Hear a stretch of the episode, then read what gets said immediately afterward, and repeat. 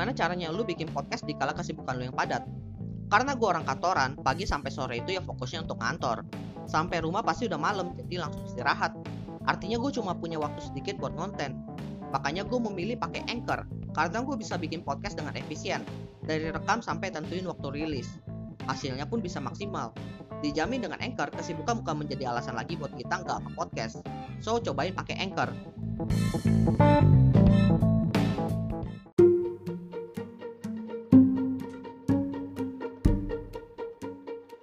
Selamat datang di Tutup 2022. Episode ini adalah bagian dari tantangan 30 hari bersuara 2022 yang diselenggarakan komunitas The Podcaster Indonesia. Selamat mendengarkan. Hati-hati sama barang palsu atau barang KW karena itu merugikan negara dan juga merugikan diri kita sendiri. Barang KW atau barang palsu di Indonesia bisa dibilang masih tersebar luas. Banyak yang masih menjual barang KW dan juga masih banyak yang membeli. Impactnya ya sebenarnya udah jelas. Bisnis-bisnis yang barangnya dipalsukan itu tidak mendapatkan pemasukan yang seharusnya mereka dapatkan Kemudian reputasi perusahaan atau bisnis mereka itu bisa menjadi buruk karena banyak customer yang sebenarnya nggak tahu itu barang palsu dan mendapatkan kualitas yang buruk, ya komplainnya ke bisnis tersebut. Tapi yang lumayan kena impact di sini adalah negara karena mereka tidak mendapatkan pemasukan. Karena kalau kita beli barang asli itu kan langsung ke bisnis atau perusahaan terkait di mana setiap pembelian itu akan dikenakan pajak. Sedangkan barang palsu itu kan tidak diproduksi oleh bisnis terkait dan bisa dibilang underground gitu, sehingga tidak dikenakan pajak juga.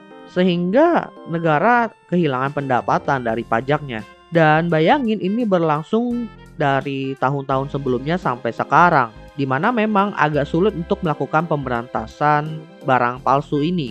Menurut MIAP atau Masyarakat Indonesia Anti Pemalsuan, ini organisasi khusus anti pemalsuan ya. Mereka mengatakan bahwa di tahun 2020 dan 2021 aja negara itu dirugikan sampai ratusan triliun rupiah karena pemalsuan produk. Berarti kan sebenarnya negara kita itu bisa mendapatkan penghasilan lagi sebesar ratusan triliun tadi, which is bisa dipakai untuk pembangunan, bisa dipakai untuk investasi ke bisnis-bisnis lokal, dan yang paling parah adalah pemalsuan produk atau barang ini ya, sekarang itu udah nggak mandang bulu.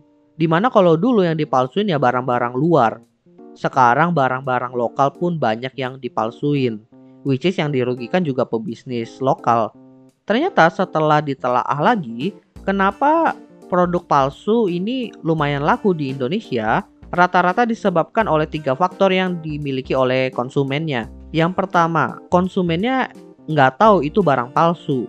Karena kan barang palsu itu bisa dibilang lumayan mirip dengan barang aslinya.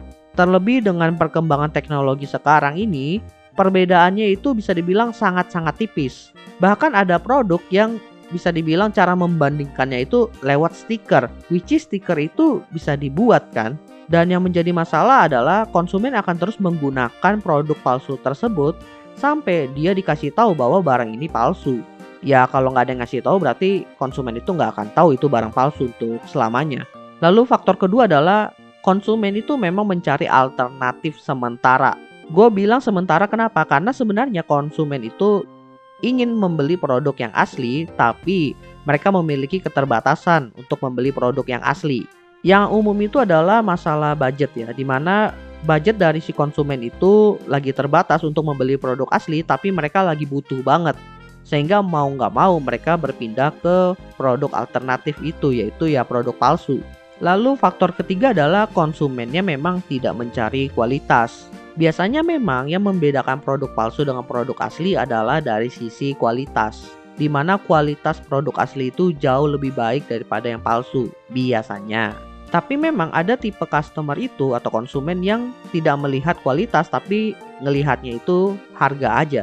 Dan ini yang menjadi keunggulan dari produk palsu yaitu harganya jauh lebih murah daripada produk asli. Which is menarik konsumen-konsumen seperti ini. Jadi ya bisa dibilang cukup sulit kalau kita edukasi tentang produk palsu itu kualitasnya buruk lalu bla bla bla bla. Tapi yang mereka lihat ya tetap harganya pilihannya ya biasanya bisnis tersebut mengeluarkan produk serupa yang asli tentunya, tapi dengan harga yang bisa bersaing dengan produk palsu, which is bisa merugikan dari sisi perusahaannya sih. Jadi itu tiga faktor yang biasanya membuat konsumen itu membeli barang palsu. Barang palsu sendiri ya saat ini itu udah merambah sampai ke berbagai bidang. Dan tentunya semakin lama semakin banyak perusahaan yang dirugikan. Tapi balik lagi, di awal gue bilang kita sebagai konsumen juga dirugikan kalau kita menggunakan barang palsu. Di mana banyak barang palsu itu ya dibuat menggunakan material-material yang kualitasnya rendah. Ya jelas tujuannya itu agar harga yang dijual pun bisa lebih murah daripada barang asli. Dampaknya ya kepada penggunaan dan durasi penggunaannya. Di mana kalau penggunaannya itu bisa tidak optimal, dan durasi penggunaannya itu bisa dibilang jadinya jangka pendek aja. Yang menjadi lumayan memberatkan adalah kalau seandainya kita itu membutuhkan produk tersebut untuk kebutuhan sehari-hari. Which is kalau barangnya itu gampang rusak artinya kita harus beli lagi dong. Sehingga intensitas kita itu untuk membeli produk tersebut semakin sering dan pengeluaran kita menjadi lebih banyak. Jatuhnya meskipun harga barangnya itu murah, tapi dia nggak budget friendly Soalnya kita belinya terus-menerus. Selain kerugian umum yang gue sebutin tadi kepada konsumen, ada juga kerugian konsumen yang bisa dibilang spesifik untuk beberapa bidang tertentu. Di mana gue ambil contoh di sini ada tiga, yaitu untuk produk kecantikan dan kesehatan, produk palsu itu bisa membahayakan kesehatan penggunanya. Kemudian untuk produk suku cadang atau spare part, itu bisa merusak mesin dan juga dapat berdampak kepada kecelakaan. Dan contoh ketiga, bagi produk IT yang digital, yaitu software, bisa mempengaruhi data kita karena mengandung virus atau malware, serta dalam penggunaannya performa aplikasinya itu tidak baik karena kemungkinan terjadi bug atau crash itu gampang. Dari sini kita bisa lihat bahwa produk palsu itu memberikan banyak kerugian kepada konsumen. Dan juga kalau kerugian itu dialami oleh kita sebagai konsumen, pertanyaannya kita harus minta tanggung jawab ke mana. Makanya kita lebih baik menggunakan produk asli karena kalau seandainya terjadi kerugian dalam penggunaannya, kita bisa meminta pertanggungjawaban kepada perusahaan terkait.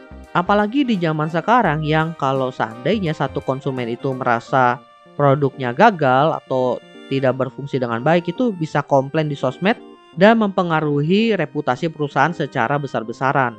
Dan gue yakin perusahaan sekarang itu aware dengan hal ini.